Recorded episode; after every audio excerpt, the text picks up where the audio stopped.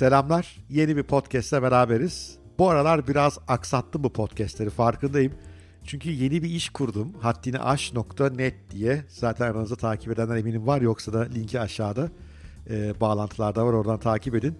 Müthiş bir iş yapmaya çalışıyorum hakikaten ekibimle beraber. E, kişisel gelişim, gelecek, yaratıcılık, teknoloji, yat, e, yatırımcılık gibi alanlarda e, günlük bir bültenimiz var. Onun yanı sıra e, videolar, uzun makaleler, e-rehberler, acayip bir site yaratmaya çalışıyoruz. E, Türkiye'nin kişisel gelişim konusundaki en kuvvetli, en güncel yeri olma hevesimiz var.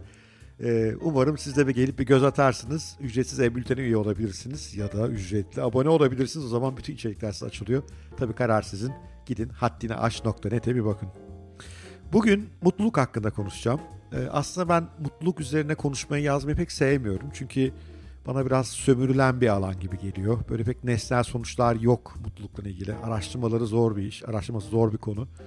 Daha çok böyle hani aforizmalar, özlü sözler, hikayelerle geçiştiriliyor.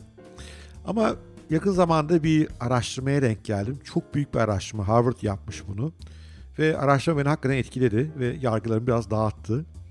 Şunu anladım ki e, mutluluk kadar müpem bir kavramda bile somut araştırma yapmak mümkünmüş. Bilimsel bir araştırma yapmak. Harvard'ın yaptığı bir araştırma bu. 80 yıla yayılan bir araştırma. İnanılmaz bir veri var elde. O yüzden bunu paylaşmak istedim sizle. Hem araştırmanın kendisi enteresan, onun hikayesinden biraz bahsedeceğim. Hem de mutluluk hakkındaki sonuçları son derece çarpıcı, son derece aydınlatıcı, son derece yol gösterici biraz ondan bahsetmek istiyorum. Buyurun başlayalım. Harvard'ın mutluluk üzerine yaptığı devasa araştırma 1938'de başlamış o günden bugüne devam ediyor. Ee, araştırmanın dördüncü nesil yöneticisi var şu anda. Harvard Tıp Fakültesi Profesörü e, Doktor Robert Waldinger. 80 yıllık bir araştırma. 724 erkeği takip etmişler bu süreç boyunca. Neden erkek demeyin? E, o dönemin koşulları herhalde açıklamak lazım bunu. Onların hayatını detaylı, düzenli olarak takip ederek, gözlemleyerek onların hem kişisel yaşamlarını hem de sağlıklarındaki gelişmeleri incelemişler ve bunları belgelemişler.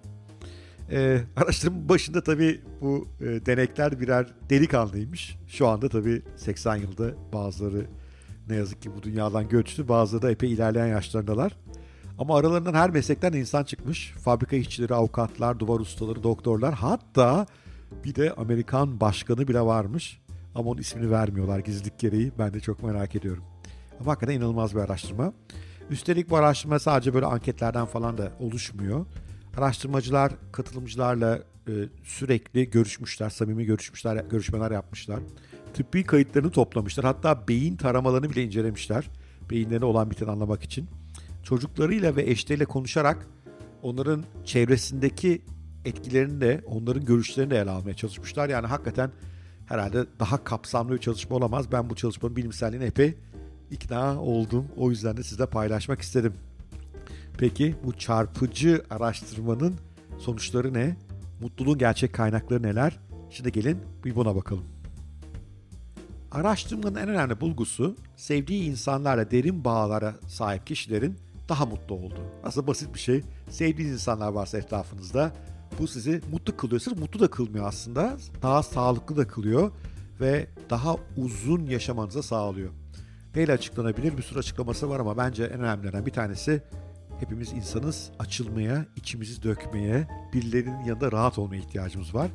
Sevdiklerimizle kurduğumuz bu derin bağ sanırım buna yardımcı oluyor ve bir yandan da bizi tedavi ediyor. Araştırma ilişkilerle ilgili bir detayı da ortaya koyuyor bu arada. Kaç tane arkadaşınız var, Instagram'da sizi kaç kişi takip ediyor, network'ünüzün genişliği bunlar pek önemli değil.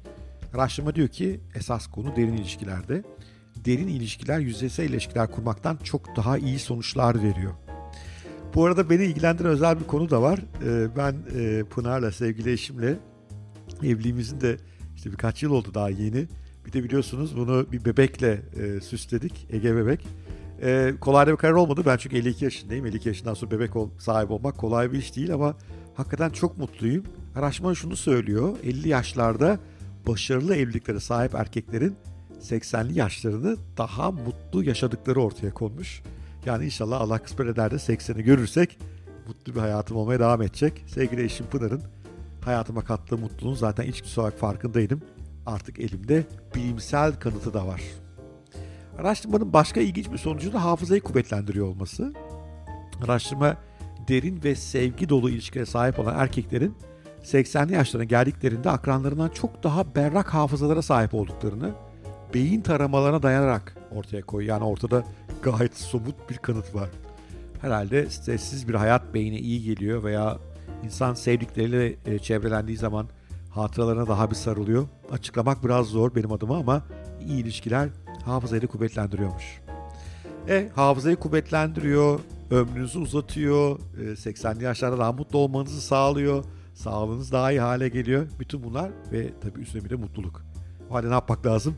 Derin ilişkilere önem vermek lazım. Tabii Covid-19'un etkisiyle bu iş biraz zor bu sıralar. İnsanlarla e, görüşemiyoruz. E, ben hala inanıyorum fiziksel görüşmenin yerini hiçbir şey kolay kolay almıyor ama bu aralar yapamıyoruz. E, onun yerine diğer kanalları kullanacağız o halde. Yazacağız, sizeceğiz. E, işte dijital kanallardan, Zoom gibi araçlardan yararlanacağız. Ve sevdiklerimize zaman ayıracağız. Ben de bu haftayı bir e, yakın ilişki haftası kuru, e, ilan ediyorum. Önümüzdeki 7 gün boyunca mümkün olunca çok arkadaşımı arayacağım, temas kuracağım. Yüz yüze yapamasam da en azından bir hallerini hatırlarını soracağım, tazeleyeceğim. Aileme vakit ayırabiliyorum ben biliyorsunuz evden çalışıyorum. Zaten e, bu Covid öncesinde öyleydi o yönden şanslıyım. Ama onun da evde çalışma saatlerimde de aileme daha fazla vakit vakit ayırmanın, e, kızıma, oğluma, eşime daha çok vakit ayırmanın yollarını bulmaya çalışacağım. Bugünkü yazıya Mark Twain'in, büyük ustanın güzel bir sözüyle son vereyim. Şöyle demiş Mark Twain. Hayat çekişmelere, özür dilemelere, kalp kırılmalarına ve hesap sormalara zaman ayırmak için o kadar kısa ki sadece sevmek için zaman var. Evet, Mark Twain görmüş. Lütfen sevin, sadece sevmek için zaman var.